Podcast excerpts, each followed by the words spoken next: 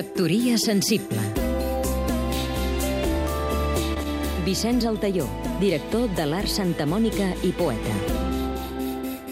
Amb el títol de Contradiccions, un foc creuat sobre el món contemporani, de Bet Galí, la que fou presidenta del FAT i persona clau en l'urbanisme i l'arquitectura de Barcelona, ens arriba un dels llibres més incisiu dels que es fan i es poden fer sobre el món d'avui.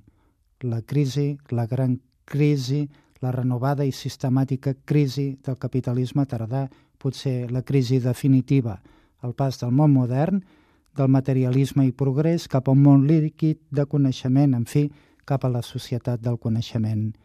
El llibre està escrit per ser llegit d'una manera entenedora per a tothom, al voltant d'una taula i la conversa. A la conversa es desglossen els temes capdals de les tres crisis en una, la crisi financera, la crisi d'energia i mediambiental i la crisi de la democràcia. Fins ara, polítics, economistes i banquers han dictat doctrina a través de la diagnosi i la cura. Són les forces del consens de Washington. Això és el Tresor dels Estats Units, el Banc Mundial i el Fons Monetari Internacional.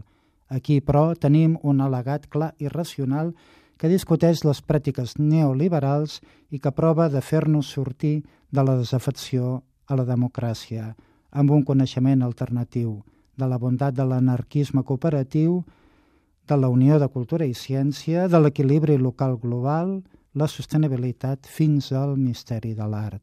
Crec més en la intel·ligència col·lectiva que en l'arrogància intel·lectual o política. Factoria sensible Seguim-nos també a catradio.cat